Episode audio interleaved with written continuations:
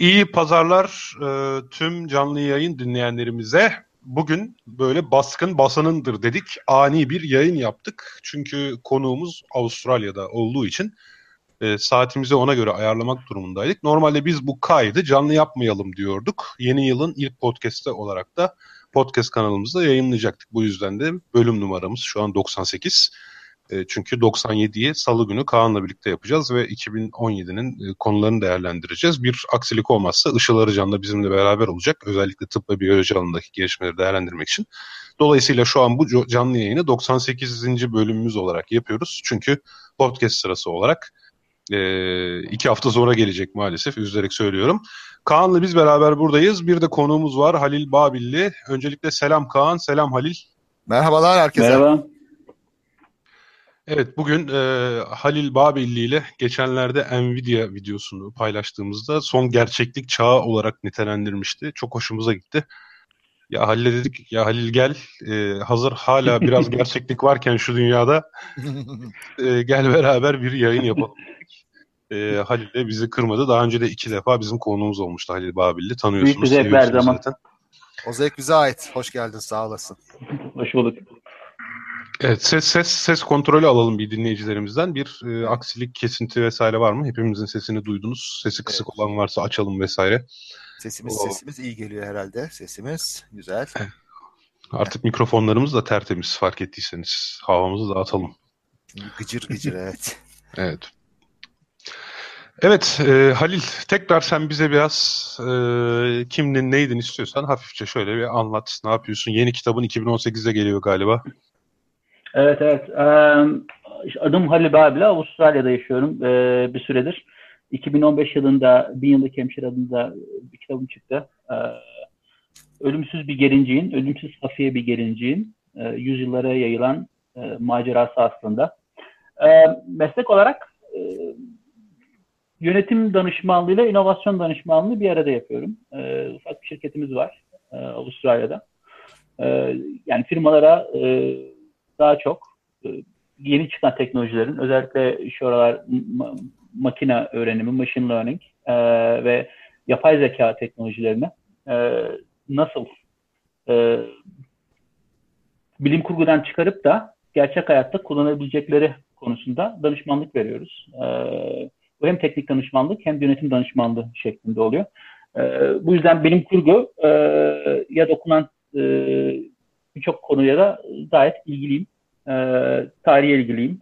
E, ikinci kitap 2018'de çıkacak. Evet artık söz vermek zorundaydım. Çünkü e, biraz hasaklamıştım açıkçası.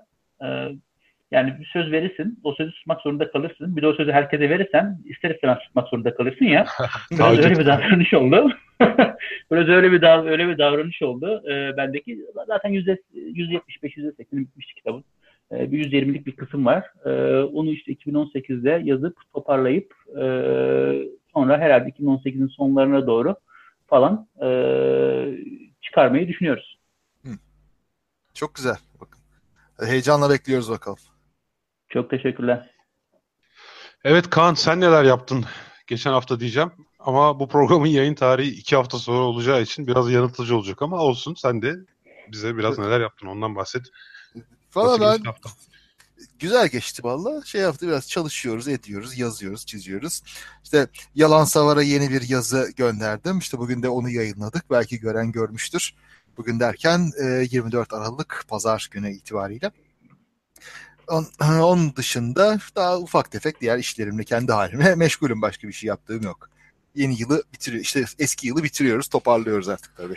Evet bir haftası kaldı. Artık bir süre 2018 yerine yanlışlıkla 2017 yazarız. O öyle geçer iki hafta bir falan. evet. Her sene aynı şey oluyor. Gelecek yıl görüşürüz esprisini yaptınız mı? Her, yapılması elzem olan. Burada da herkes yapıyor espriyi de o yüzden sordum. Valla yeni KHK ile o espri yasaklanmış diye duydum. o espriyi yapanlara yani ya- yapmayanlara da yargı muafiyete getirilmiş. evet. Yeni KHK ile beraber. O, o espriyi yapanları dövenlere işte muafiyet varmış. İstediğiniz gibi böyle dövebilirsiniz diye bir karar çıkmış. Evet böylece son gerçeklik çağında suç gerçekliği tanımı bile değişiyor gibi görünüyor. Buradan da konumuza biraz dalış yapalım. Evet. evet son gerçeklik çağı derken neyi kastediyoruz? Ee, çok kulaklara müthiş bir e, icat gibi geliyor. Ee, Halil Babil o yüzden her kullandığımda Halil Babil'e referans veriyorum intihal olmasın diye. Çok hoşuma gitti cümle olarak. Belki çok, çok güzel bir felsefi makale olarak da kaleme alınabilecek bir şey diye düşünüyorum. Bugün konuşacağımız konu son gerçeklik çağı. Son ge- gerçeklik derken bu arada evet gerçeklik derken biz neyi kastediyoruz? Gerçek ya bu an felsefesine kadar uzanan bir mesele arkadaşlar. Yani gerçeklik nedir? Gerçeklik var mıdır? Gerçek bilginin elde edilme imkanı var mıdır? Vesaire diye başlıyoruz bu buraya böyle felsefede. o çok fena girdin. skeptisizm dediğimiz bir şey var biliyorsunuz. Hatta biz de skeptisizm hmm. derken, bilimsel kuşkuculuk derken aslında bir anlamda felsefi olarak bu görüşe referans vermiş oluyoruz. Bilirsiniz evet. e, sofistler hatta safsata bile oradan gelir. Doğru bilginin mesela aslında olmadığını, nasıl ifade edildiğine bağlı olduğunu, önemli olan cümlelerin ve hitabetin olduğunu falan filan söylerdi. Yine felsefedeki septik akımda aslında gerçek bilgi yoktur. Hepsi zihnimizde bir tezahürdür vesaire derler. Bu kuantum saçmalığıyla beraber bir de bu ortaya çıktı. Hmm. Aslında gerçeklik hmm. biz ne düşünürsek odur vesaire falan filan diye bu gerçeklik zaten böyle felsefi anlamda hep sorgulanan bir şeydi. Ama bu defa hakikaten de gerçekliğin olduğunu kabul ettiğimiz bir e, küme sınır, bu sınırlar içerisinde bile gerçekliğin çeşitli işte bu post-truth meselesinde falan filan da olduğu gibi manipüle edilebildiğini görüyoruz. Yani gerçek orada olduğu yerde duruyor da insanların kafasındaki gerçek sanki artık çok kolay bir şekilde manipüle edilebiliyor. Şimdi bu konuya Hı-hı. nereden başlayalım, nasıl konuşalım? Ee, ilk olarak sözü bir Halil Babilli'ye verelim konuğumuza. O başlasın. Hı-hı. Nereden konuşmaya başlamak istiyorum mevzuyu. Ben kendime göre post-truth'un e, açıklamasını yapayım. Bence nedir onu söyleyeyim. Onun üzerinden siz devam edin isterseniz. Katılır mısınız, katılmazsınız hangi e, dediklerime. E, ya post-truth bence işte, duygulara hitap eden, akla değil duygulara hitap eden, e, devamlı suretle kendi argümanlarını tekrar ederek kendini kabul ettirmeye çalışan ve kanıta dayalı çürütmeleri önemsemeyen ve bunları göz ardı eden bir dünya anlayışı. Yani uslamayla alakası yok. e, kim daha yüksek sesle bağırırsa, kim daha fazla söylerse bir şey onun e, iki tane şey düşünün. iki grup maymun düşünün. Bunlar karşılıklı bağırıyorlar. Kim daha fazla bağırırsa kazanan olur. Yani biraz ona benzetiyorum aslında bu post anlayışını. E, ve kanıtlara dayalı çürütmeleri de önemsemiyor ve göz ardı ediyor. Yani diyorsunuz ki ya tamam diyorsunuz. Mesela e, sen bu konuda bunu dedin. E, mesela bir örnek vereyim ben bu konuda. Çok güzel bir örnek vereyim. Bunu e, programdan önce yaptığımız konuşmada söyledim. Ee, dünyanın her tarafında geçerli ve Avustralya'dan bir örnek vereceğim ben. ee, birkaç ay kadar önce Avustralya seçimler oldu. İşte bizim eyaletin seçimleri oldu. Ee, bizim eyalette e, pek tabii ki Avustralya'nın en sağcı politikasını çıkardı. One Nation diye bir e, parti e, Avustralya'da e, tamamıyla reaktif politikalar üreten ve gerçek politikalar üretmeyen bir, bir oluşum. Yani tamamıyla reaksiyonları e, ve bu post-truth reaksiyonlarını e, oya çevirmek isteyen bir oluşum. E, bunların parti liderinin adı Pauline Hanson diye bir kadın. E, küresel ısınmanın olmadığını düşünen e, bir parti One Nation. Kadın şöyle bir şey yaptı. Yani bakın kaç yani herhalde yüzlerce binlerce makale yayınlandı küresel ısınma hakkında e, hakkında bilimsel akıl yürütmeyle çok fazla teori ortaya atıldı, modellemeler yapıldı. E, olmadı hakkında da belki bilimsel kullanılan, e, bilimsellik kullanılarak bazı teoriler ortaya çıkarıldı. Ama kadının yaptığı şu oldu.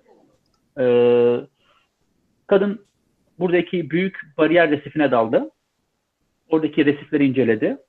Yani şahsi olarak daldı. Ve baktı ki, dedi ki bu resiflerde bir değişiklik yok. Demek ki küresel ısınma yok. Ben bu yüzden inanmıyorum dedi. Yani kanıta dayalı o kadar çalışma kadının hayır kardeşim ben buna inanmıyorum demesiyle onun gözünde ve onun e, seçmenlerinin gözünde e, bir anda yok oldu. Yani bir anda etkisiz hale geldi. E, ve bunu kadın devamlı süretle söyledi televizyona çıktığında ve dalga geçilmesi de hiç umursamadı. Yani dedi ki işte ben gittim baktım yok dedi küresel ısınma. Yani e, ya ne kadar saçma bir şey. ben gittim gördüm küresel ısınma yok diye bir ama, ama bu tuttu. Yani bu e, bu savunması tuttu. Duygulara hitap etti. E, şey dedi, bu tüm e, işte akademisyenler bilim adamları bunların hepsi zaten ya satılmıştır ya şöyledir böyledir. E, bunların dediğine pek inanmayın. Bunların hepsi işte dünyadaki büyük firmaların e, şeyini uygulayan, e, gündemlerini uygulayan insanlardır. E, biz Avustralya olarak buna karşı dik durmalıyız. Biz Avustralya olarak bu Amerika bu planlara karşı şey durmalıyız, dik durmalıyız dedi. E, ve bir şekilde bunu savunan bir parti %15 civarı bir oy aldı. Ya bence bu post çok güzel bir örneğiydi. Çok güzel bir örnek vallahi. Yani daha da çok oy alan bir partiye örnek verecek olursak 2015 yılının kışında Amerika'daki Cumhuriyetçi Parti'nin senatörü Jim Inhofe şeye getiriyor. Şey, dışarıda Washington'da kar yağarken bir kar topunu alıyor ve senatoya getiriyor, gösteriyor. Bakın diyor. işte küresel ısınma var diyorlardı. Bu kar nereden geldi o zaman diye. E, aynı tamamen aynı mantık işte. İşin Değil komiği de işte e, şeydi küresel şirketlerin oyunu falan denmesi. Şimdi küresel ısınmaya karşı çıkmak küresel şirketlerin işine geliyor zaten. Bununla ilgili tedbir almaları gerekmiyor. Süreçlerini değiştirmeleri gerekmiyor ama tabii kime anlatacaksın? Mesela o herhalde post özelliği bu. Mantıksal açıklamalara tamamen immünler yani aşılılar. Hiçbir şekilde etkilemiyor onları. Belki şundan ya da, da uğraşıyorlar mı insanlar? Hı. Yani uğraşıyorlar mı? Sözün, sözün, sözünü kestim. Ee, özür dilerim. E, Tevfik. E, şun, şunu da belki düşünmek lazım. E, biri anlatsa da e, dinlemek istiyor mu insanlar? Acaba onunla uğraşacaklar mı? Onunla vakitleri var mı? E, Netflix izlemek daha e, hoşlara gitmiyor mu mesela? Doğru. Yani. Şimdi burada evet. şöyle bir faktör devrede. Paul Slovic vardır. Çok meşhur. Risk üzerine çok çalışmıştır. Riske psikometrik yaklaşım diye 70'lerde Bischoff, Slovic falan bunlar Hı. böyle bayağı hani insanların risk algısı üzerine e, riskle ilgili böyle e, Ulrich Beck'in falan da risk toplumu kitabına yazdığı dönemler böyle aşırı tartışmaların olduğu dönemde dread risk diye bir kavram tanımlamışlar. İnsanlar ani kısa sürede çok daha az kişinin ölümüne neden olan meselelere uzun vadede milyonların ölümüne neden olacak meselelerden daha riskli algılıyorlar. Hmm. Yani bu sigara içmek için de geçerli. Şimdi bariz sigara içmenin zararları ortada. Niye insanlar sigara içmeye devam ediyorlar? Veya küresel ısınmanın olduğu bariz aslında bize bakarsanız, verilere bakarsanız uzun vadede de milyarların hayatını değiştirecek. Ama niçin bu? Çok basit işte şurada 15 kişinin ölümüne neden olacak, olabilecek bir Luna Park kazasından çok daha az tepki uyandırıyor insanlarda diye sorusunun cevabına. Hı. Şunu fark etmişler. İnsanlar işte kısa sürede sonuç verecek riskleri uzun vadede çok daha büyük sonuçları olan risklerden çok daha yüksek riskli algılama eğilimindeler psikolojik hmm. olarak. Dolayısıyla bu küresel ısınma gibi mevzularda vesaire ve e, insanların e, insanlarda ilgi yaratamıyorsunuz. Çünkü bunun sonuçlarını görmüyor kısa vadede. Sigara içenlerde olduğu gibi. Kısa vadede bir sonuç görmüyor. Zaten mesela sigara içenlerin sigara bırakma öykülerine bakarsanız yakınlarına bir yakınlarından birini akciğer kanserinden kaybediyorlar ya da koahtan kaybediyorlar. O zaman sigarayı bırakabiliyorlar. Çünkü o zaman ancak bir direkt riske dönüşebiliyor.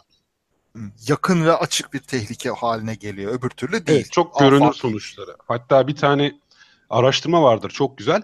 Doktorlar arasında sigarayı bırakma rate'i böyle oranı en yüksek branşlar hangisi sizce? Onkoloji. Büyük. Onkoloji ve radyoloji. Evet. Evet. Evet. Aynen öyle. Çünkü onlar bu dehşet dread risk olarak e, görme eğilimindeler. Bir göz doktoru bunu görmüyor. Hmm. Hı. Medya da belki biraz yardım ediyor değil mi? Yani mesela e, bir Luna Park kazası olsa 15 kişi ölse ben eminim burada ve oldu da aslında bakın oldu da çok ilginç. İki sene biz geçen sene buranın en büyük e, Luna Parklarından bir tanesi iki kişi öldü. Bir hafta inmedi bu. Yani bir hafta e, haberlerden inmedi. E, herkes konuştu. İşte şöyle yapılmalı, böyle yapılmalı falan diye. Bir, bir hafta boyunca ülkenin en önemli sorunu haline geldi. Ama bir yandan bakınca o dönem içinde Avustralya'da alkol e, alkole bağlı ölümler en yüksek seviyedeydi. Kimse bundan bahsetmedi. Hmm. Ha. Tabii bak şu da var. Şöyle bir şey de var. Bulunabilirlik etkisi dediğimiz mevzu zaten bu. Uçaktan korkmanın veya Luna Park'a gitmekten korkmanın ya da terör saldırılarından sonra işte insanların tatillerini iptal etmelerine falan filan nedeni bu medyadaki Hı-hı. görünürlük. Bu dread riski arttırması. İşte öte yandan diğer konular çok daha fazla ölüme sebebiyet vermesine rağmen e, o olmuyor. Bir de şu daha önceki yayınlarımızda da konuştuk. Ta, işte çevirdiğim son kitap Şubat'ta yayınlanacak. İnsanları eyleme geçirmek için korku işe yaramıyor. Hmm. Eylemi bastırmak için işe yarıyor. Peki. Hmm. Dolayısıyla yani Luna Park ölümü insanların küresel ısınmaya şey pardon insanların Luna Park'a gitmesini bastırabilir. Çünkü yapma sinyalini çok iyi tetikleyebilir korku. Ama yap sinyalini tetiklemez. Siz insanları küresel ısınma korkusuyla eyleme geçmeye, karbon emisyonlarını azaltmaya, bu konuda bir şeyler yapmaya itemiyorsunuz. Korku insanları eyleme geçirmekte başarılı değil. Eylemi bastırmakta başarılı. Hmm, Hmm. anladım. Beyin yapımız buna uygun yani. E, ordular belki de dünyadaki tüm ordular bu yüzden belki de korkuyu kullanmıyorlar değil mi? Ee, tam açabilir misin? Yani mesela bir insanın yapabileceği en büyük, kurban verebileceği en büyük şey kendi canıdır. Ee, mikro düzeyde bakarsan. Ve dünyadaki orduların hiçbiri korku bazlı bir sistem kurmamışlardır. Hmm, Yani evet. yanlış yaparsan e, şu- kendi şöyle korkarsın. E, yanlış yapmaktan korkarsın. Gururun vardır ve o gururun kırılmasını istemezsin. Ve belki kendi canını bile alabilirsin. Ama hiçbir ordu şeyi toplayıp işte insanları toplayıp hadi bakalım savaşa gidiyorsun savaşmazsanız hepinizi öldürürüm diye bir davranışta bulunmadı şu ana kadar bildiğim kadar tarihte. Veya mesela şey demezler düşman böyle gelirse bütün ailenizi öldürür falan az olur en azından. Ama gidin savaşın şöhret kazanın işte ölürseniz de şehit olun falan gibi bir şey olur. Yani pozitif tarafıyla hep yaparlar. Evet, güzel bir yere Hı hı. değindin. Eyleme geçirmek için korku işe yaramıyor demiştik. Eyleme geçirmek için ödül işe yarıyor. Hmm. Yani şimdi burada dört seçeneğiniz var. Ya ödülle eyleme geçmeyi ya da eylemsiz kalmayı e, sağlamaya çalışırsınız. Ödül eylemi geçirmede işe yarıyor. Korkuyla ya eyleme geçmeyi ya eylemsiz kalmayı e, dener, denersiniz, e, yapmaya çalışırsınız. O da eylemi bastırmakta işe yarıyor, eyleme geçirmede değil. Hı. Bu baya baya bildiğiniz e, nöronlarımızın programlama biçimi bu şekilde yani.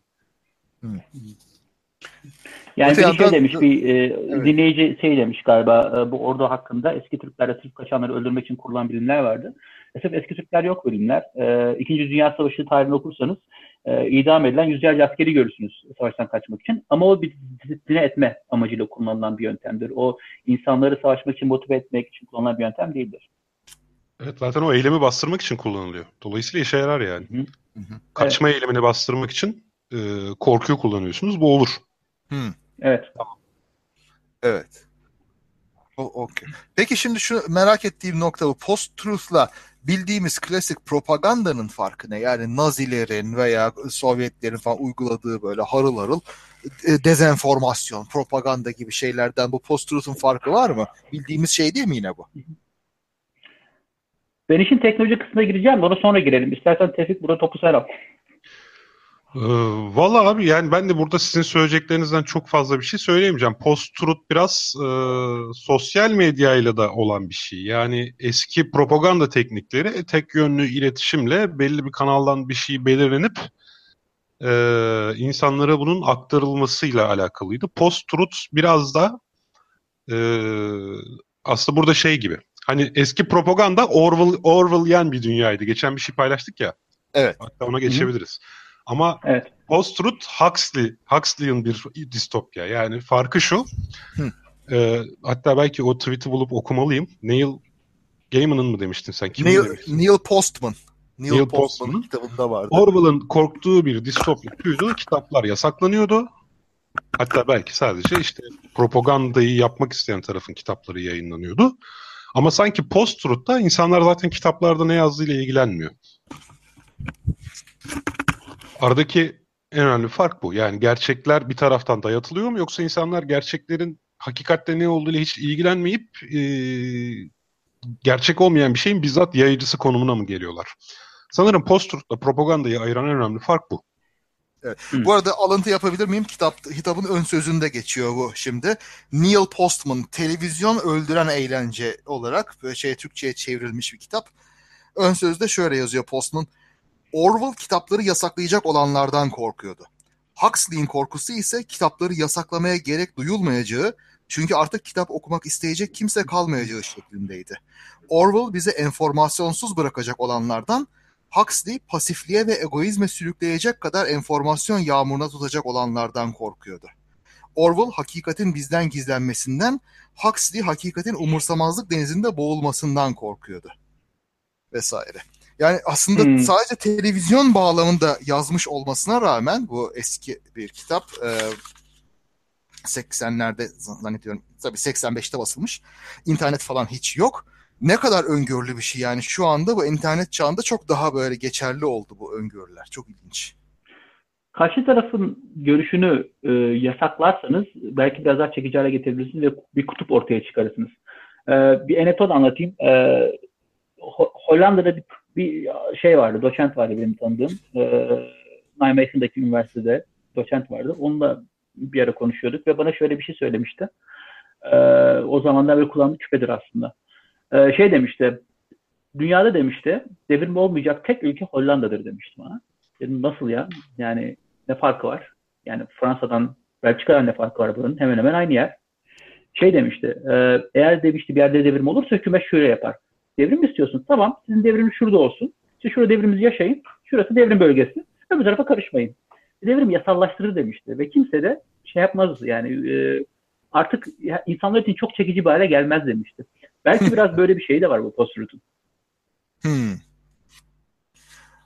Peki o zaman e, bunun ilacı nedir o zaman? Panzehiri e, nasıl diyeyim? Yani şöyle mi demek istiyorsun? Biz gerçek o, o değil aslında bu. İşte ne bileyim aşılar iyi gelir senin zannettiğin gibi otizm yapmaz veya dünya düz değildir falan dedikçe insanlar buna karşı olarak bunlara daha fazla e, da, dadanıyor falan gibi bir şey demek istiyorsun herhalde yanlış anlamadıysam.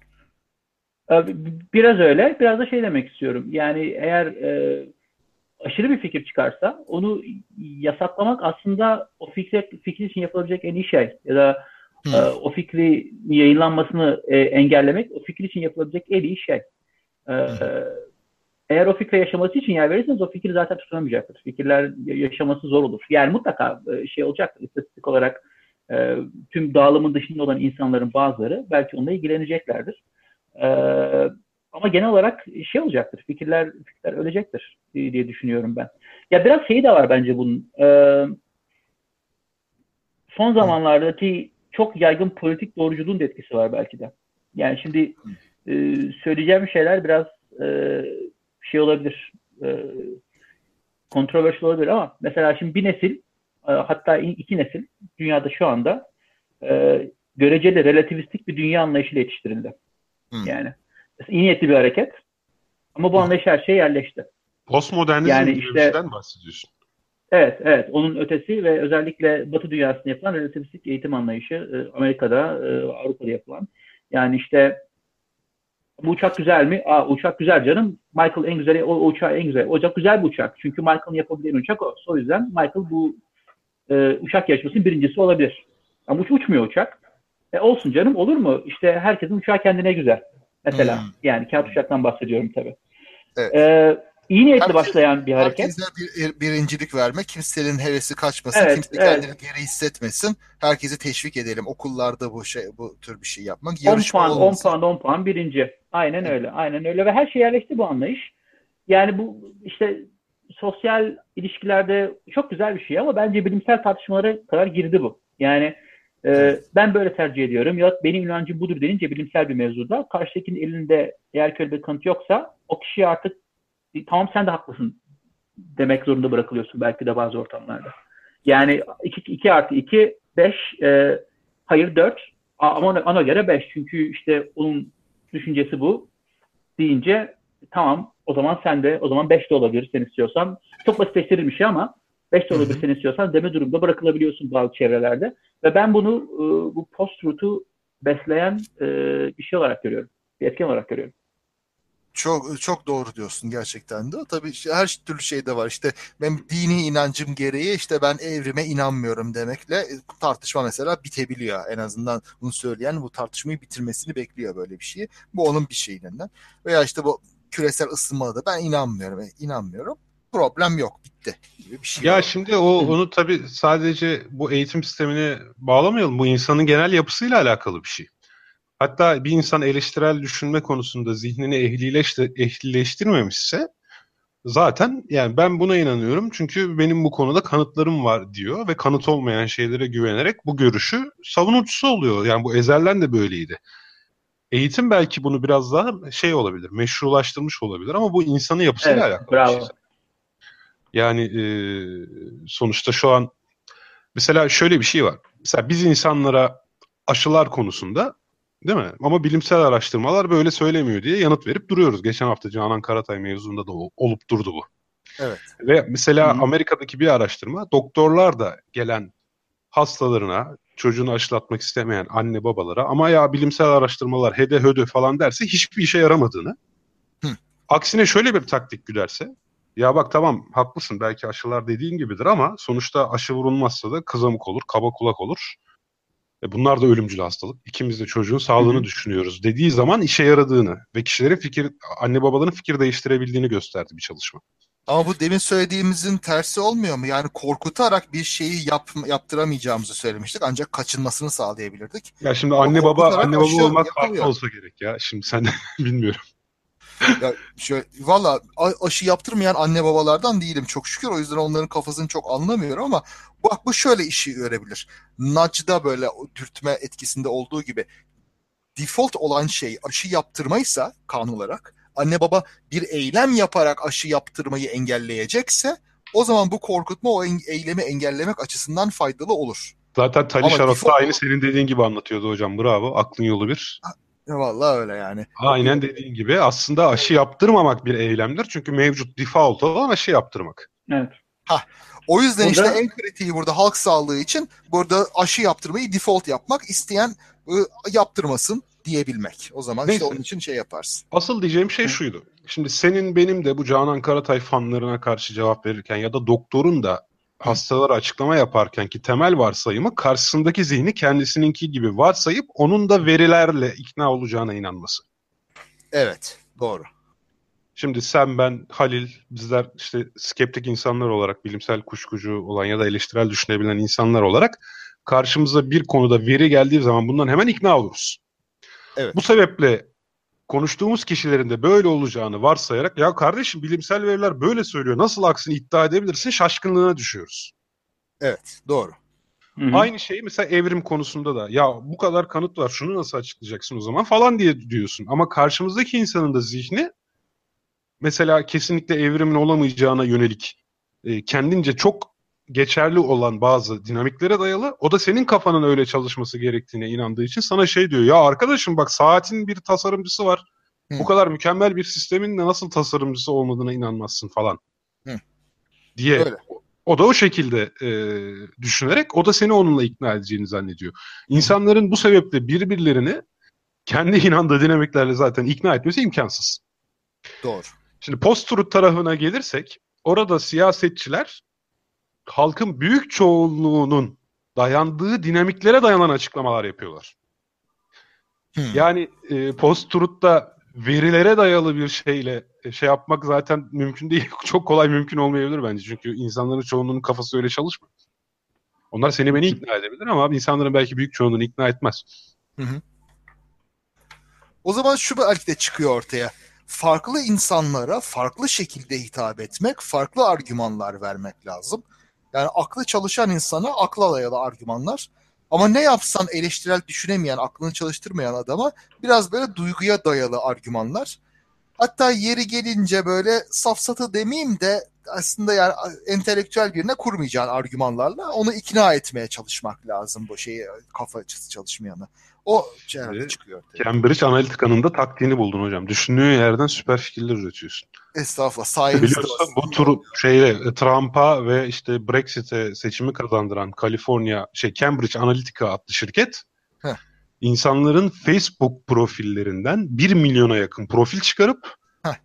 insanlara işte bu hangi datadan etkilenecekse hangi tür e, faktörlerden o faktörlere yönelik reklam gösterme çalışmasıyla Trump'a seçim kazandırdılar. Ah, al işte tamam. Yani tam olarak dediğim o değildi. Biz şey reklam verme açısından değil de kendimiz konuşurken aramızda. Ha, Ama problem şurada. Sosyal medya herkese açık olduğu için yani kafası çalışan da bize bir cevap veriyor, çalışmayan da cevap veriyor. Şimdi ben adamına göre orada ceva- bir açıklama yapamayacağım. Çünkü e, bir adama göre onun duygularına yönelik bir şey desem diğerleri kafası çalışan adam diyecek ki sen ne biçim argüman kuruyorsun sen de safsatıcısın diyecek. Ama öbür adama böylesi işliyor ben onu anlatamayacağım. Biraz böyle Siz adamına onu göre nasıl ayırt ediyorsunuz? Ben mesela e, ben çoğunlukla gelen yani çoğunlukla vaktim olmuyor ve gelen şeyleri mentionlara dönemiyorum o yüzden ama yani dönmememin sebeplerinden bir tanesi de o belki de. Yani bir insanın dalga mı geçtiğini yoksa gerçekten bir şey mi söylediğini ayırt etmek çok zor artık şu anda sosyal medyada. Ee, bazı, bazılarında zor yani bana senin kadar mention gelmiyor tabii o yüzden benimkiler biraz daha net oluyor. Yani Hı-hı. baktığın zaman aslında bir insanın e, bir de diğer tweetleriyle falan karşılaştırdığında laf anlayabilecek gibi olup olmadığını hemen anlıyorsun zaten. Yani sormak Ama bu mesai yani girmen lazım, şeyine girmen, profiline girmen, bakman lazım. Bu bir nevi mesai aslında. E biraz öyle, biraz öyle tabii yani herkesin yapması Hı-hı. gereken bir şey değil. İşte Twitter'ın bir de kötülüğü de orada. Şimdi e, sen, ben, Tevfik ve bizi dinleyenler mesela oturup bu muhabbeti bir kafede de yapabilirdik. Ve bir kafa Hı-hı. denkliğimiz var burada. Ortak böyle düşünce temelimiz var ve söylediğimiz bir şeyin nasıl anlaşılacağını kestirebiliyoruz aşağı yukarı. Ama Twitter öyle Hı-hı. bir şey ki kafede söylediğin şeyi Kars'taki kahvede ki adamın da duyduğunu düşün. Ve oradan böyle evet. senin lafını anlamayıp yarım yamalak anlayıp sana ver yansın ettiğini düşün. Tam bir kakafoni geliyor böyle ortaya. Öyle bir sorunumuz var. Ama biz bunu buna göre evlenmedik ya. Heh.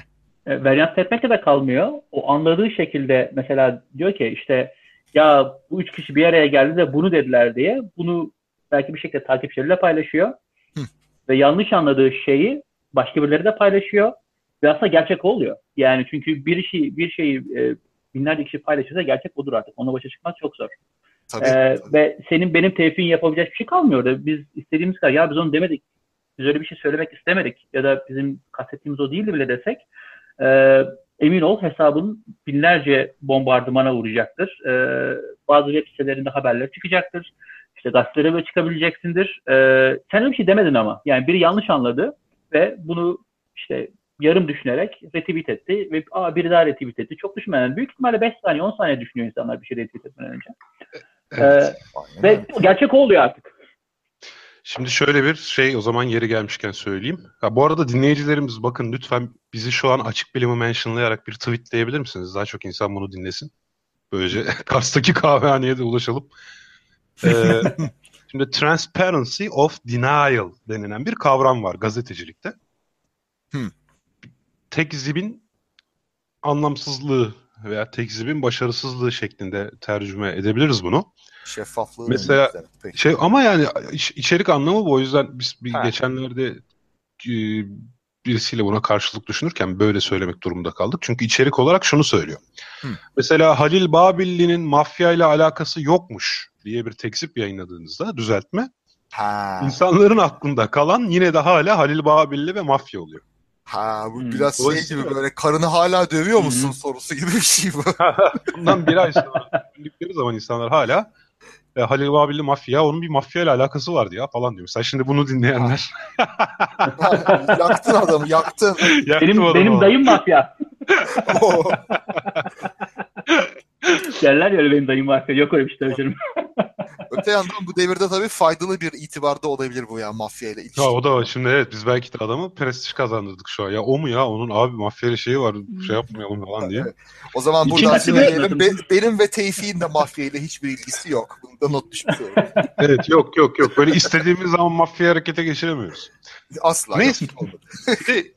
equality bias dediğimiz bir problem var. Hı. O da şu araştırmalar gösteriyor ki bir ortamda artık bu ortamı Twitter'da sayabilirsiniz. İnsanlar fikir belirtirken uzmanlıklarına dikkate alma başarımız çok düşük. Yani hepsine eşit ağırlıkta kıymet veriyoruz. Hmm. Dolayısıyla Twitter'da bir konuda bin kişi, işte linç dediğimiz kavram da böyle oluşuyor. Geçenlerde linçle ilgili bir e, tweet zinciri yazmıştım. Orada da bahsettim bundan.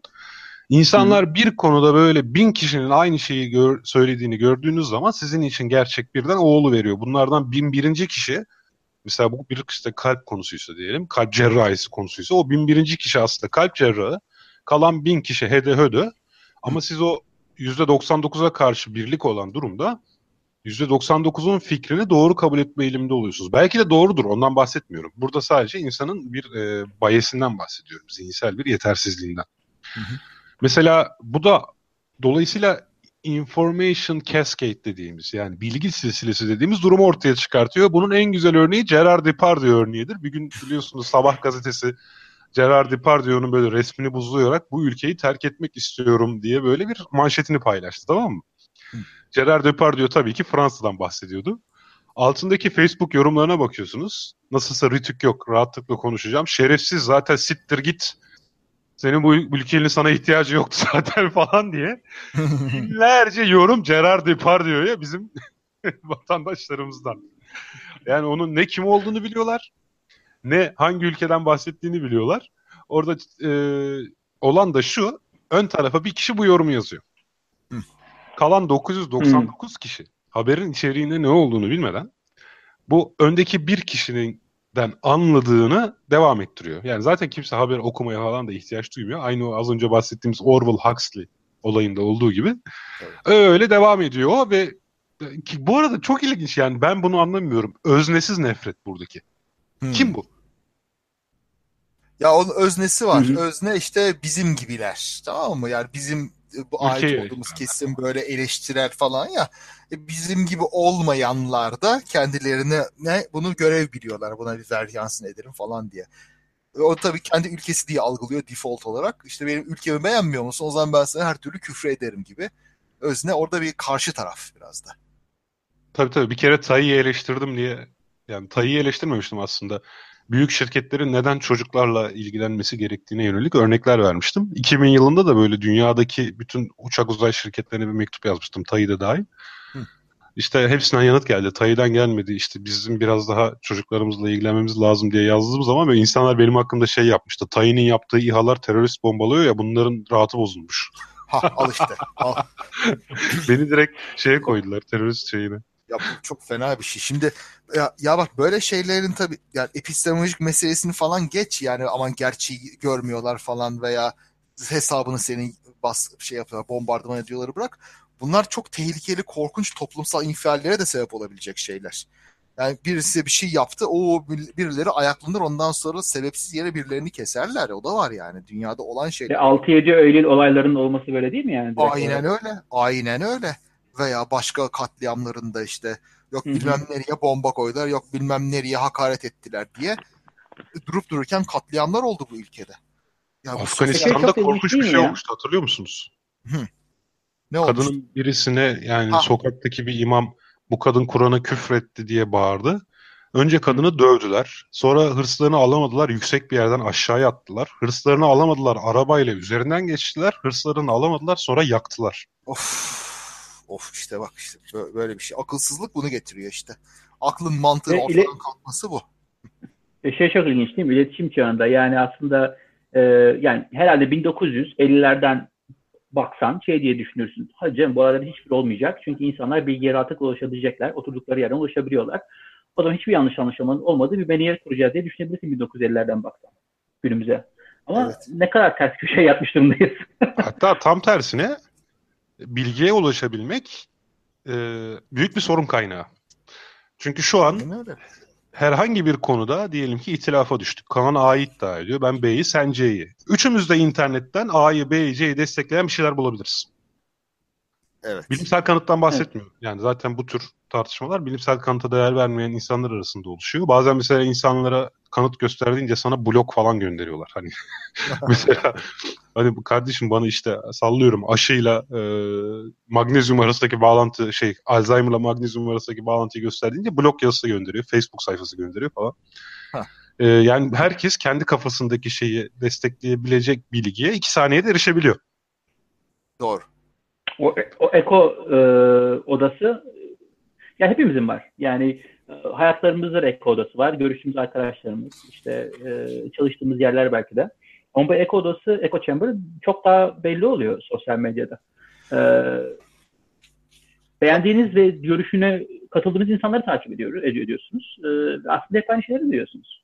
Valla o eko odasının çok da kötü bir şey olmadığını düşünmeye başladım şu sıralarda. Yani demin dediğim şeyle paralel olarak belli bir bilgi ve düşünce seviyesinde olan kişilerin birbiriyle iletişim kurması, diğerlerinin biraz ondan uzak durması tartışmanın sağlığı açısından daha önemli aslında.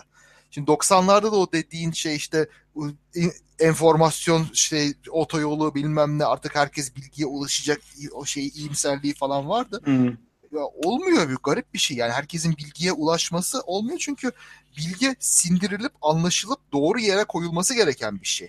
Yani malumat yığınıyla bir yere varamıyorsun. Malumatı bilgiye dönüştürmek lazım. O da yani basit bir Google aramasıyla olan bir şey değil.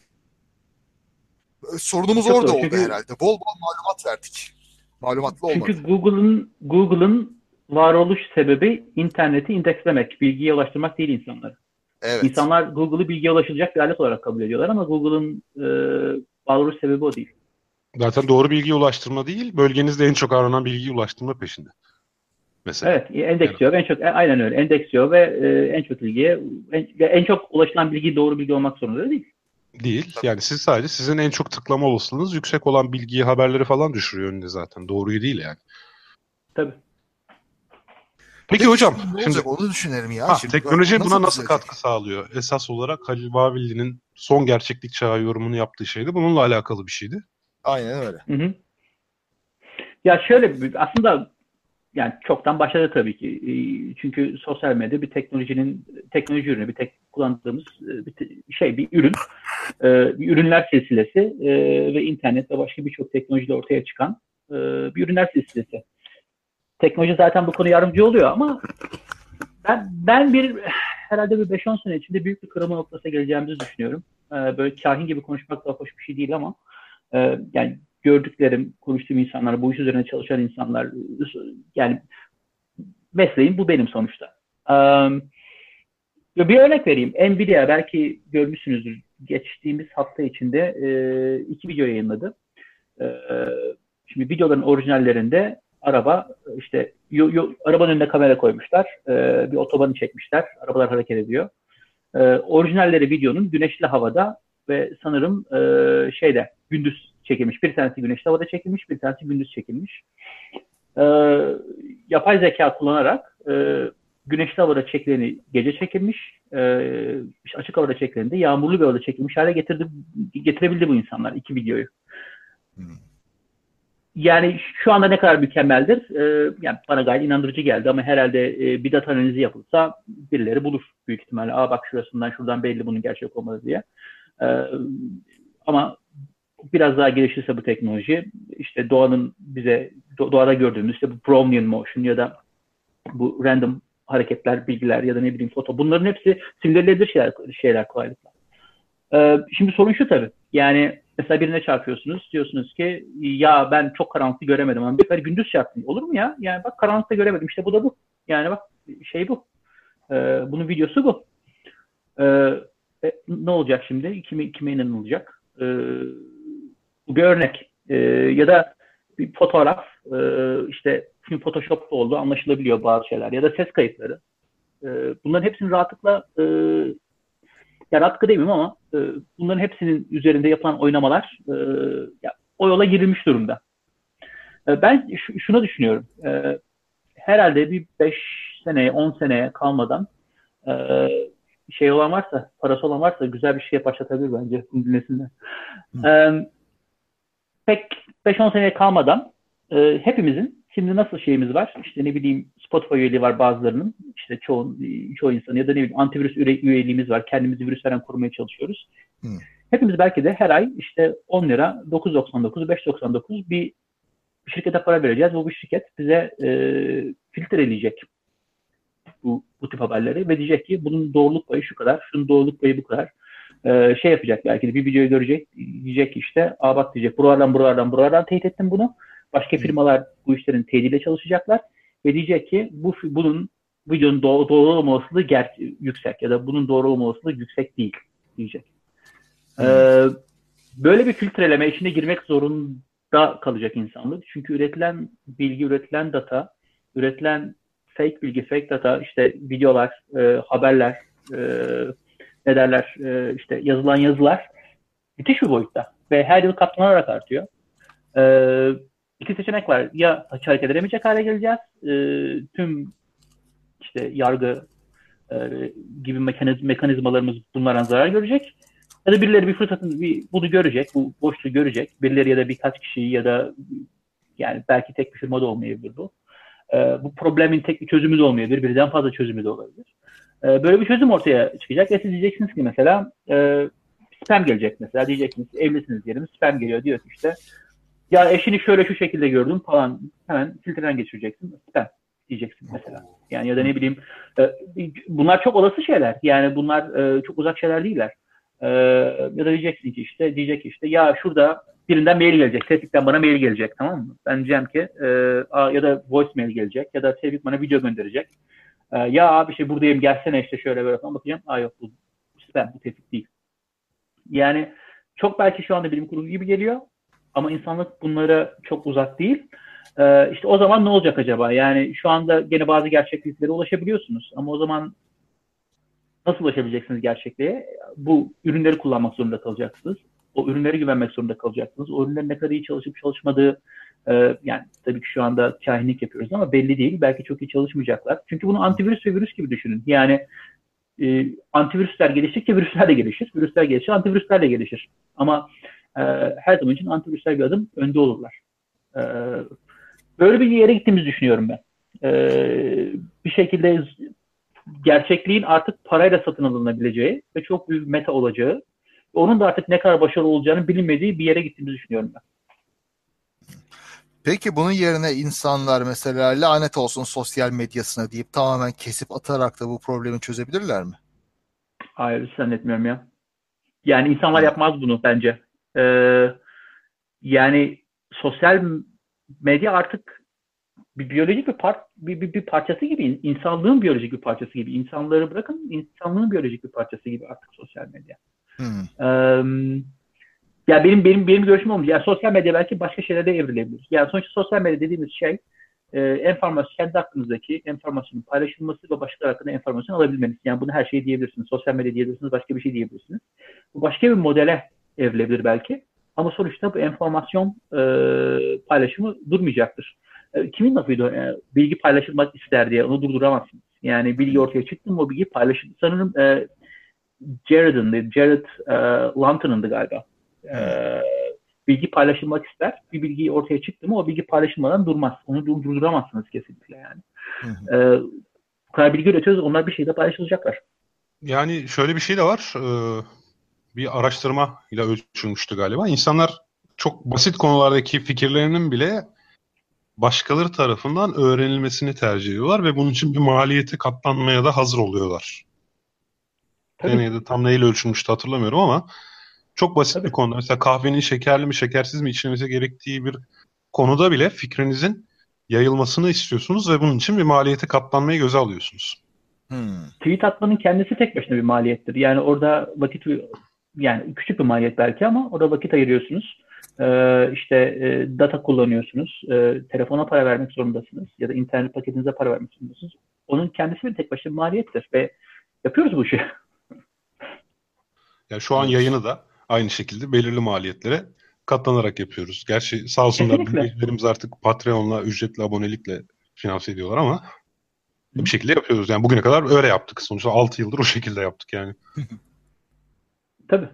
Tabii. Yani ben diye buradayım. Fikirlerim duyulsun diye buradayım. Yani e, pazar günü 10'a 10 var. Tatile girmişim. Niçin burada bunu konuşuyoruz. Sizlerle konuşmak her zaman için çok güzel. Yanlış anlamayın ama. E, tamam yani tamam. Biz anladık. Tamam, bu, da, bu da bir maliyet. tamam, hani fatura tamam. gönderecek olan sen değil miydin? Programdan önce konuklara artık fatura kesiyorum diyen sen değil miydin? Yani bak şimdi seni bedava, bedava aldık zaten. Neyse. Bedava evet. O zaman şöyle anlıyoruz. Şimdi insanlar e, söyleyecek şeylerini dünyayla paylaşmak isterler diye. Biz burada onun için konuşuyoruz. Fikirlerimizi paylaşmak için. O zaman bu ne bileyim Twitter'dan böyle yediği res, yemeğin resmini, kedisinin resmini falan paylaşmak da biraz buna benziyor. Yani kendi e, fikrini paylaşmakla aynı şey mi o zaman? Aynı kefede mi?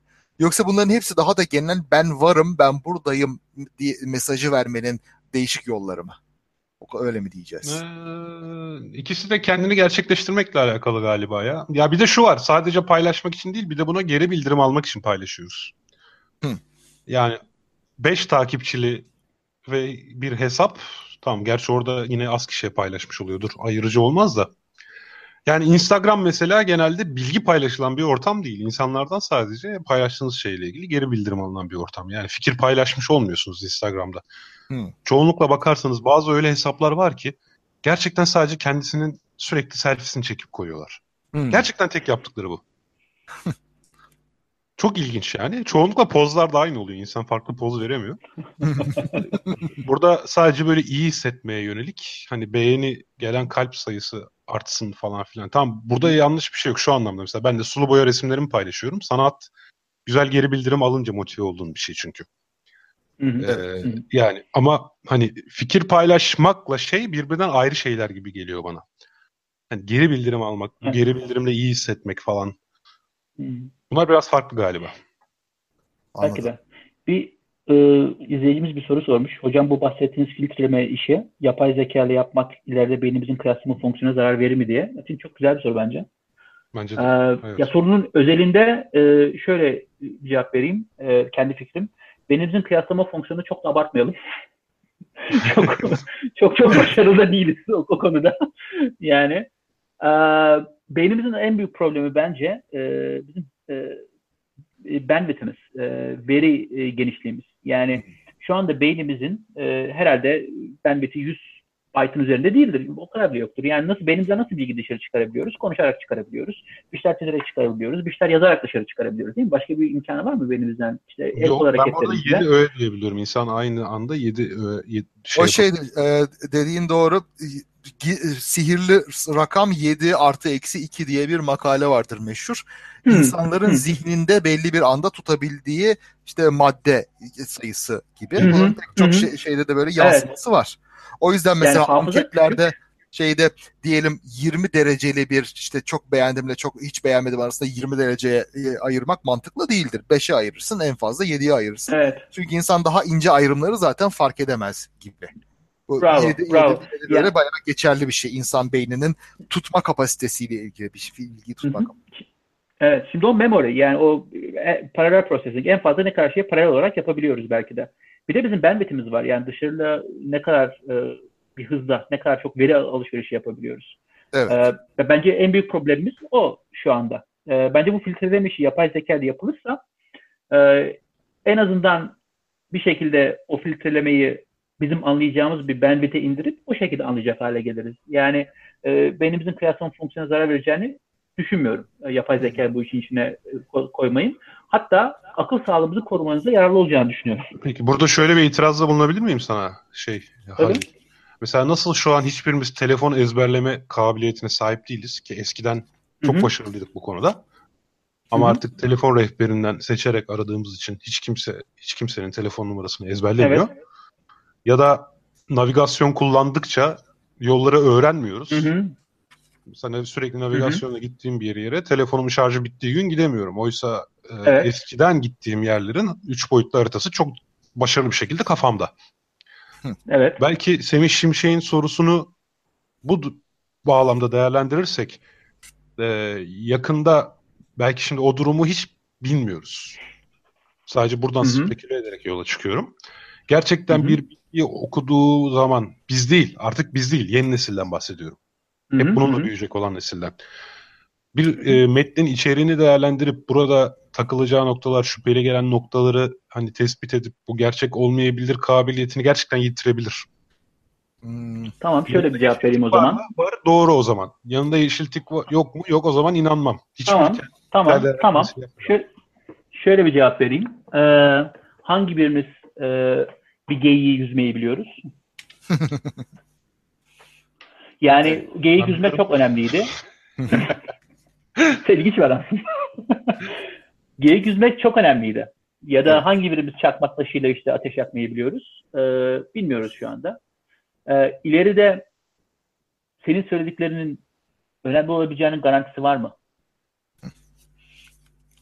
Ben de şöyle bir şey ekleyeyim. Ee, şeyde de e, aynı itirazı mesela yazma konusunda da söyleyebiliriz ki Platon'da vardır böyle bir serzeniş yazıya ve insan belleğini zayıflattığı vesaire için. Ba- matbaa için söylenmiştir bunlar. İşte güzel yazma kabiliyetini ortadan kaldıracak, çok Hı fazla lüzumsuz kitap olacak. Hesap makinesi için söylenmiştir. İnsanların hesap yapma kabiliyeti, işte yeteneği bitecek gibi. Ama, ama bitmiyor. Uygarlığın ye- getirdiği Bitiyor abi, yeni yetenek. ya. Ee, Niye öyle diyorsun? Ben mühendisim. 4 Evet. sene İTÜ'de hesap makinesi kullandım. 5. sene ALES'e girdim. Bölme işlemini yaparken zorlandım ya. Hatırlamaya Bu- çalıştım önce ispat Bu seni daha kendimce. kötü bir mühendis mi yapıyor? Hayır. Yapmıyor. Yapmıyor ama o kabiliyeti yitirebiliyorsun. Tamam bu yapay zeka bizi doğru bilgiye ulaştırmada çok başarılı olabilir ama gerçekten zamanla bir metni okurken içindeki bazı unsurları kıyaslamayı kabiliyetimizi yitirebiliriz. Bak, Önemli olan şeyi Tamam. bence kaybetmeyiz. Çünkü o önemli olduğu için onu çalıştırmaya devam ederiz. Şimdi ama bazı şeyleri otomatikleştirmek iyi. Bak Alfred North Whitehead'in matematikçi, mantıkçı söylediği güzel bir şey var. Uygarlık insanların düşünmeden yaptığı şeylerin sayısı artarak ilerler. Yani Birçok şeyi düşünmeden yaptığın zaman. Yani şeyin Halil'in dediği gibi işte şu anda geyik avlamayı, yüzmeyi, bilmem neyi, tuzlamayı, tütsülemeyi bilmiyoruz. Onun yerine gidiyoruz marketten alıyoruz. Ama düşünmeden de olarak. yapmıyoruz ki. otomatik olarak yapıyoruz. Onun nereden geldiğini düşünmemize gerek yok. Al buzdolabına koy bitti. Böylece zihnimizi başka şeylere teksif edebiliyoruz. Bunu sağlayacak Hmm. bize bu. Ben Ütopya söyleyeyim, şey distopya söyleyeyim size bir tane. Ee, bir metni öğrenip okuyup anlamak ileride önemli olacak mı sizce? Mutlaka böyle böyle mutlaklık var mı? İlla evet bu her zaman önemli olacak diye bir kanun var mı? Valla sana ilginç bir şey söyleyeyim. Bunu bizim Tuğsa'nın yaptığı bir çeviriden okumuştum. Yalan Savardı'nın Tuğsa'nın. 16. yüzyılda tutarlılık diye bir beklenti yokmuş metinler arasında. Hmm. Evet doğru. Yani 16. yüzyıla kadar mesela bir yazılmış bir kitabın birinci bölümü 10. bölümüyle çelişiyorsa insanlar bunu önemsemiyormuş ve farkına varmıyorlarmış. Çok ilginç değil mi? Hah, buyur. Ee, Çok şey yok. enteresan. roman roman yok. İşte daha yani az buçuk var. Ee, evet yani çünkü şeydir. O neden yöne geliyor, ileri geliyor biliyor musun? Mitlerin çoğu tutarsızdır. Mitlerin çoğu tutarsız olduğundan roman olmadığı için insan tutarsıza alışmıştır aslında. Tutarlılık yeni ve modern bir kavramdır. Bir sistem işte tutarlılık aramak aslında çok modern, çok eski bir kavram değildir. Rasyonelist bir yaklaşım çünkü. Rasyonalizm Evet. yükselene kadar herhalde hiç çıkmadı ortaya. Evet, evet. Ya öyle demeyelim. Yani şu var antik Yunan'da sonuçta tutarlı tutarsız safsata vesaire Aristo bu işlerle çok ilgilenmiştir ama hani işte antik Yunan'daki bütün gelişimin hiç olmadığı bir dönem var arada karanlık. Herhalde Hı hı. o karanlık taraftan bahsediyoruz muhtemelen. Evet, bir de antik Yunan dünyadaki tüm uygarlıkları ele alalım. Yani outlier sonuçta. İstisna. Yani bazı Evet. şeyleri otomatikleştirmekle zihnimizin biraz daha böyle iyi şeyler yapmaya vakti kalır gibi geliyor bana. Demin söylediğimi tekrarlayacağım o açıdan. Yani sizin Hı hı. verdiğin bu örnek biraz beni destekliyor bence. Evet Hmm. ve o iyi şeylerin ne olacağını düşünebileceğimizi zannetmiyorum şu anda. Yani kafamızı yorabiliriz çok fazla. Çok ve e, değer yargıları çok değişebilir. Yani yani yine bir distopya örneği ama iyi şeyler belki de Minecraft gibi bir oyunda bir şeyler yapmak olacaktır. Hmm. Yani belki çok şu anda afaki geliyor konuştuklarım ama e, bilemeyiz. Geleceği bilemeyiz. E, Yo hiç gelmiyor. düşünüyorum. Şu Yani an işte terbiyesizlik, cool olmak, laf sokmak, insanlara Hmm. küfür etmek falan çok prim yapan bir şey. Bundan 20 sene öncesi Hı hı. için. Sokakta söyleyemeyeceğin her şeyi Twitter'da çatırt diye söyleyebiliyorsun. Hı hı. Geçenlerde bir yayın evi sahibi bana nasıl hakaret etti işte herkes gördü yani. 70 Evet. milyon gördü. İşte cool olması önemli. Şey okuyordum. E, bugünlerde iki tane kitap okuyorum. Bir tanesi Gert diye bir kitap. Avustralya'nın tarihini anlatıyor. Avustralya'ya gelen insanları anlatıyor. İkincisi ise Dünya Coğrafyası. E, 1842 basımı Dünya Coğrafyası var elimde benim. E, ve onu okuyorum. E, çok 1840 basım pardon. E, şey bir entelektüel tarafından yazılmış ve adamın dünya görüşünü görebiliyorsunuz. Yani a diyorsunuz bu adam her şeyi biliyor. Ama nasıl biliyor? Avustralya kitapta da bu Avustralya'nın tarihini anlatan kitapta gördüğüm ve bu kitapta okuduğum adamların tek bir, ort- bir ortak yönü var. Şimdi bu adamlar zengin. Yani Hı. aileden zengin insanlar. Avustralya'ya buraya gelen mesela e, e, şey Beck diye bir adam var. E, adam şey e, botanist. Çok zengin bir adam. Ama o zaman cool olan yani şey değil işte pahalı bir arabaya binip de yanına 4-5 tane kadın alıp da gece kulübüne gitmek değil. O zaman cool olan botanik çalışmak. Hmm. Yani seni toplumda şey yapan, bir yerlere getiren, ya bu adam ya işte gitti gemiye bindi, bu adam Kanada'ya gitti ya da bunu Avustralya'ya gitti. Şunları şunları şunları şey yaptı, işte bu bitkileri buldu ve geri geldi diye el üstüne tutuluyorsun. Kadınlar da buna hasta oluyorlar o zamanın deyimiyle. Öyle bir şey, amiyane bir deyim kullanalım. Çünkü o zaman cool olan o. Yani ne korkusu adam gitti, kafası çalışıyor, işte bu işleri yaptı deniyor. Ve dikkat ederseniz o 17. yüzyılda, 18. yüzyılda ki zengin ve iyi yani aileleri iyi durumda olan insanların çoğu botanikçi oluyor, jeolog oluyor, astronomiyle ilgileniyor, bilimle uğraşıyor. Doğa felsefesi hatta. Yani, evet. Doğa, evet. Tabii doğa felsefesi, evet. Yani bu toplumsal dinamik çok önemli bir şey. Bence o, o zamanın ruhu, o zamanın zeitgeist olarak bilimle uğraşıyor bu insanlar. Ya bunun ne olacağını bilemeyiz. Bu bu değişebilir. Yani, o zaman demeyelim, o kültürün 20... diyelim ama ya. Yani Osmanlı'da öyle evet. olmamış. Yani. Evet, o doğru, doğru. O kültürün bilimi diyelim. Yani 20. yüzyılın başında da herkes savaşla uğraştı. Yani e, 21. yüzyılın başına bakalım neyle uğraşacaklar? 20. yüzyılda ne, neyle uğraşacağız? Ya da 21. yüzyılın ikinci yarısında neyle uğraşacağız? E, yani ne cool, cool olan neyse ve bunun dinamikleri çok değişebiliyor. Tabii cool'u çok küçültücü bir anlamda söylüyorum ama bu dinamikleri çok değişebiliyor. Neyin olabileceği e, de birçok e, değişken karar verebiliyor. Biraz da toplumun kültürünü o belki de ya da toplumun nereye gideceğini o e, o yönlendiriyor. Valla hocam dediğin doğru. Yeri gelmişken şöyle bir havamızı dağıtalım.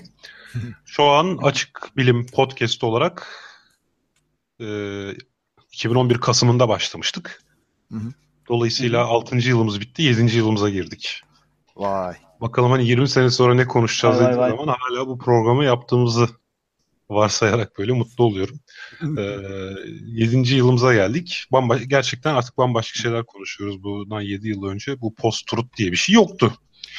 Hiç böyle bir mevzudan Hı-hı. bahsetmiyorduk. Hakikaten işte şimdi her programda hemen hemen gerçeği nasıl test edeceğimiz üzerine çok sık konuşmaya başladık. Geçen hafta Canan Karatay için konuşuyorduk bunu. 4-5 serilik bir paranormal yaptık. Orada da gerçeklik vesaire falan filan. Çünkü bir şekilde bu artık gündemimizde. Hakikaten bakalım 7 yıl sonra ne konuşacağız? Evet. Buralarda olacağız Peki, mı? Kim öyle sonra, kim kala? 7 yıl sonra Tevfik sana sen 7 yıl önce niye bunları konuştun diye hesap sormasınlar. Valla sorulur. Yani görüyorsunuz her şey bir bir sabah 6'da yayınlanan KK ile değişebiliyor. O demek istediğim şeydi. Işte, yani ha. insanlar değişiyor mesela. Fikirleri değişiyor insanların. Görüşleri değişiyor ya mesela. Ee, oraya gelmek istiyorum. Şimdi ve sosyal medyada hiçbir şey unutulmuyor. Ee, ve sen 7 yıl sonra mesela farklı şeyler düşüneceksin. Belki dünya değişecek ve burada konuştuklarımız çok anlamsız olacak. Gayet mümkün. Ee, ve orada bir tartışmaya gireceksin 7 yıl sonra bir yerde, bir, mev, bir mecrada artık sosyal medya olabilir, başka bir şey olabilir ya da yeni, yeni teknolojinin getirdiği başka bir e, medya olabilir. Ve sana diyecekler ki ya sen de işte 7 yıl önce yaptığın bu programda bunu savunmuş bir adamsın hiç konuşma. Ah tabii tabii tabii tabii. Yani belki de hatta bunu da konuşup programı kapatmak lazım. Tabii. Bu sosyal medya e, daha önce konuştuk mu hatırlamıyorum da unutulma hakkı den, diye, denen şu an hukuki olarak bir mevzu var. Onu büyük ölçüde insanların elinden alıyor. E, muhtemelen avcı toplayıcı dönemde zihnimiz şöyle gelişti. Aramızda çok büyük bir hata yapan birileri olsa bile bir şekilde beynimiz bir süre sonra onu unutuyordu. O kişi de tekrar topluma dahil olabiliyordu. Hı. Bu arada o kişinin fikir değiştirme şansı da tanıyordunuz. Çünkü kimse onun 6-7 yıl önce ne düşündüğünü hatırlamıyordu bile. Şurada bir ekleme yapayım hatta. Hı. Bu insanla normalde yüz yüze de olduğun için çok da uzun zaman böyle ona küs kalamıyorsun. Çünkü bir faydası oluyor sana. Ondan sonra bir yüzünü görüyorsun, üzüntüsünü görüyorsun. E, affediyorsun bir şekilde. Yüz yüze olmanın büyük bir etkisi var. İşte sosyal medyada mesela evet. o yok. Ayrıca sürekli de takiptesin. Adamın işte bir yanlış düşüncesi varsa hala yüz yüze olduğu için 99 doğru düşüncesini de görüyorsun. O bir yanlışı da zamanında yaptı unutuyorsun. Fakat şimdi bu caps alma muhabbeti yüzünden Hı. bir insanlar zaman içinde fikir değiştirdiyse mesela yani bence bu arada zaten hani 7-8 yıl öncesiyle aynı her konuda aynı düşünen birisi varsa hiçbir ilerleme kaydetmemiştir. Bu imkansız. Tabii ki. Hiçbir yeni veriyi dikkate almıyor demektir. Bu saçma. Ee, insanların fikir değiştirme hakkını elinden alıyorsunuz. Çünkü adama 6 sene önce söylediği bir şeyi gösteriyorsunuz. O da bilişsel tutarlılık içine girip onu da savunmak zorunda kalıyor. Bu şey herkese e, nasip olmuş bir özellik değildir. Evet ben yanlış düşünüyormuşum veya evet bu konuda yanlış düşünüyorum diye. Öyle ki geçenlerde bir konuda çok hızlı bir değerlendirme yaptım. Geri sildim. Özür dilerim takipçilerimden yanlış düşünmüşüm. Geri sildim diye. Birisi bana kimin talimatıyla sildin diye cevap verdi. Aa, buyur işte. Düşün yani hani o kadar insanlar buna alışık değiller. İkincisi de işte bir insan bir hata yaptıysa hani tekrar bunun unutulup toplum içerisine girme olasılığını ortadan kaldırmış oluyorsunuz. Çünkü herkesin elinde bunun ekran görüntüleri var. Hmm. İnsanlar çatırt diye hemen sana bunu iteleyebiliyorlar. Ha bu şu demek o zaman döneklere rüzgar nereden eserse ona göre yön değiştirenleri hiç mi eleştirmeyeceğiz? Hayır burada şurada çok kritik bir fark var. Bilgilenerek mi Hı. elde ettiniz bu değişikliği? Bu değişikliği bilgilenerek mi uğradınız yoksa çağın hakim görüşü o olduğu için ya da bunun için bir çıkar elde ettiğiniz için mi? Şimdi bazı Hmm. hani gazeteciler vardır. O sırada hakim güç neyi savunuyorsa onu savunurlar. Bu insanların çelişkileri üzerine vurulur evet. Çünkü bunlar zaten o Hmm. zaman da o görüşü samimiyetle savunuyorlardı. Hmm. Ama sallıyorum şimdi Bunun- eski eski bilim forumuna bu forumlarına girerseniz benim üniversite öğrencisiyken evrim karşıtı olduğumu falan görürsünüz yani. Şimdi bu rüzgar nereden eserse değil. Zaman içerisinde okuyup düşünüp vesaire. Ee, bazı eski kabullerden kurtulmakla alakalı bir şey yani. Bunun devlet eliyle yapılan bir örneği var biliyorsunuz değil mi Roma'da? Damnatia Yok, Memoria diye. Ee, şeydir, e, Roma'da e, yapılan bir şeydir. E, mesela biri Roma'ya karşı isyanda bulunursa onun tüm hafızası silinir. Memorisi silinir, onun tüm hatırası silinir. Heykellerde yüzü parçalanır, kitaplarda üzeri silinir. Mesela imparatorun bile olmuştur yani. Mesela İmparator Geta hatırladığım kadarıyla e, işte Karakalla'yı öldürüyor kardeşini ve Hı. kitaplardan, heykellerden, yazıtlardan ismi tamamen siliniyor. Vay be. Hmm. O hiç yokmuş gibi de evet. Kaan bak Şeydir, bir yanlış yapma. Bütün senin katıldığın programları silersek yarısı gidiyor. Vallahi bak bu bayağı bir Orwellyen bir şey. Ki şeyde eski Mısır'da da yapıldığı bilinir. Firavun Akhenaton mesela eski tanrıların hepsini reddedip sadece Ra'yı tek tanrı olarak tanıdı. Kendi dinini oluşturdu. Ölür ölmez hemen onun bütün neredeyse bütün izleri silindi bütün yazıtlardan, dikili taşlardan vesaire. O- Onu biraz şey yapmışlar ama galiba yokmuş gibi davranmışlar da bu bildiğim kadarıyla Roma'daki bayağı aktif. Ee, yani aktif olarak adamlar kitaplara kadar gidiyorlar, bakıyorlar isim var mı bu adamın? Onu siliyorlar işte yazıtlarda. İstanbul'da bir iki örneği var bunun. Or şey gibi Orwell'daki Doğruluk Bakanlığı gibi çalışıyorlar yani. Evet. Vay be. Yani tabii. Evet. Size doyum olmaz arkadaşlar. Vallahi yani 15 dakika diye hatırlatma yapayım. Bir saati çoktan açtık. Ee, varsa son söyleyecekleriniz bir onları da alalım ve kapatalım artık programı. Peki burada Halil'in güzel bir önerisi var. Girişimci ruhlu insanlar çıkarsa evet hakikaten antivirüs gibi an- anti ne diyelim buna anti-lie böyle yalana karşı filtreler geliştirmek gibi bir teknoloji görünüyor hakikaten ileride. Bir o var. Bir de ne diyeceğiz buradan çıkan ana sonuçta sosyal mesaj arkadaşlar. Valla sosyal mesaj herhalde çok böyle sosyal medyaya çok bulaşmayın gibi bir şey olabilir. Veya ya mü- müthiş bir şekilde şeffaf olun ya da işte çok da bulaşmayın gibi. Şeffaf olun derken şu hata yaptım hatamı kabul ediyorum. Şimdi düşüncem bu işte gibi bir şeyler. Kıvırtmak değil yani herhalde. Bir de benim tahminim ya biraz Evet. iyimser olayım. Ben yani herhalde insanlık buna bir çözüm bulacak. Kendi içinde evriltecek bunu yani bu e, bu- buna göre bir davranışlar gelişecektir. Kaç kere başımıza tarihte geldi yani böyle şeyler. Yine bir yol bulacağız muhtemelen. Ben şöyle diyeyim. Duyduğunuz hiçbir şeye inanmayın. Benim sosyal mesajım budur. Evet. Duyduğunuz hiçbir şeye inanmayın. Bu program Nereden da duyarsınız duyun. Bu program dahil. Nereden duyarsanız duyun. Duyduğunuz hiçbir şeye inanmayın.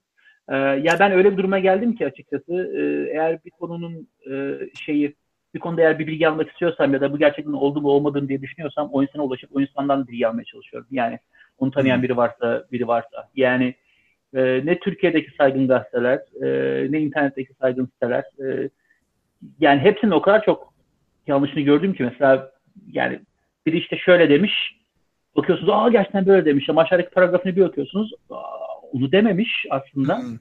Ee, ama yani yayınlardaki editörler de bu işe insanlar onlar da. Yayınlardaki yayın bu tip yayınlardaki editörler de bu tuzağa düşüyorlar. Ee, o yüzden benim e, tavsiyem hiç- hiçbir şeye inanmayın. her şeyi okuyun, her şeyi araştırın ama e, hiçbir şeye ilk gördüğünüze inanmayın. Bak mesela insanlar belki böyle bir şey evriltecek. Yani doğrudan kaynağına soracağım veya inanmayacağım. Yani duyduğum şeye inanmamak gibi bir şey de gelişebilir eninde sonunda böyle bir şeyde. Büyük bir geri yok. gidiş olur ama ya yani büyük bir geliş geri gidiş olur değil mi? Kabileden de farkımız olur ki o kabiledeki Evet, enformasyon dönmek. dışından evet ve işte o yüzden belki bu alanda işte soran eden vesaire bir şirketin ortaya çıkması deyip duruyoruz ya. Kaan hani Ocak'ta bir şeyler yapalım diyorduk bak düşünelim. Vallahi olur. Niye olmasın? Evet. O zaman benim de son diyeceğim mesaj şu. Ee, birincisi bundan insanlık olarak kurtulma yolumuzu eleştirel düşünmeyi ve bilimsel okur yazarlık dediğimiz mevzuyu ilkokul seviyesine kadar indirmek. Hı hı. Yani yalan insanlara yalan söylemesini engelleyemeyiz ama dinleyenlerin bilinçli olmasını sağlayabiliriz diye düşünüyorum. Ya çözüm orada. Hani bazen bana diyorlar işte ya bu tür astroloji şu bu falan filan. Yani insanları susturacak değiliz. Doğru yani bunları susturmak belki çözüm olmayabilir. Zaten o yüzden bizim de yapmaya çalıştığımız şey gerek yalansa vardı gerek orada gerek burada. Ee, konuşanları değil dinleyenleri donanıma yani dinleyenler üzerinde bir değişiklik yaratmak. Bu programın da amacı bu sonuçta. Şu an bizi dinleyen herkese de aynı şekilde e, bu konularda don şey bir şeyler katmaya çalışıyoruz naçizane. Aynen. Benim de söyleyeceğim bu. Yani ilk başta gençlere, çocuklara öğretmemiz gereken şeyler e, bunlar. Yani eleştirel düşünme. Başka yolu yok. Evet. Yani insanları donanımlı hale getireceğiz. Yoksa kötülük her zaman olacak, yalan her zaman olacak. Dilin icadıyla beraber ortaya çıkmış bir şey yalan yani doğrudan. Buna karşı ancak biz kendi kabiliyetlerimizi geliştirebiliriz. Başka şansımız yok. Doğru.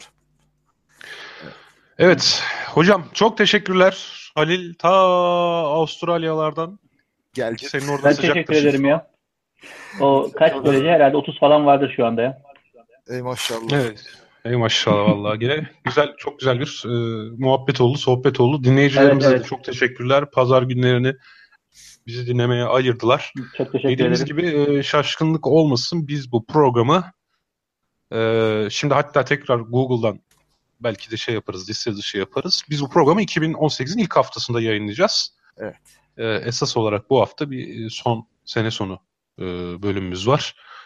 E, şimdilik durum bu. Hepinize çok teşekkür ediyoruz. Kaan ağzına sağlık, Halil ağzına sağlık. Teşekkür ederiz. Evet, güzel bir program sona eriyor. Muhabbet teorisinin 98. bölümüydü bu. Yüze de az kaldı. Gerçekten 100 bölüm boyunca bundan birkaç sene önce birisi bana ya 100 bölüm böyle program yapacaksınız deseler ben de uğraş kimi uğraşacak ya onunla falan derdim herhalde. Ama işte bir şekilde başlayınca gerisi geliyor. Adım adım değil mi hocam? Adım adım Evet, işte. adım bir adım, adım. atacaksın. Yüz adım atmaya çalışma. Bir adım at. Onu yüz kere tekrarla. Herhalde işin sırrı o. Evet aynen aynen öyle. Ee, evet hepinizi çok seviyoruz. Yeni güzel bir yılınız olsun. Gerçi yine yıl tamamlanmadan görüşeceğiz ama olsun. Ee, böyle kapanırken tutuklanıyor tutuklu tutukluk yapıyorum. Öf ne diyorum? Tutuk kapanırken tutuklanıyorum dedim. Aman aman ağzından yer alsın. evet arkadaşlar ben ben gidiyorum. Kendinize iyi bakın. Hoşçakalın. evet hoşçakalın. Hoşçakalın. Daha fazla bilgi edinmek isteyenler Osmanlı Mecmuası'nın 3. cüzünün 1912. sayfasına bakabilirler efendim.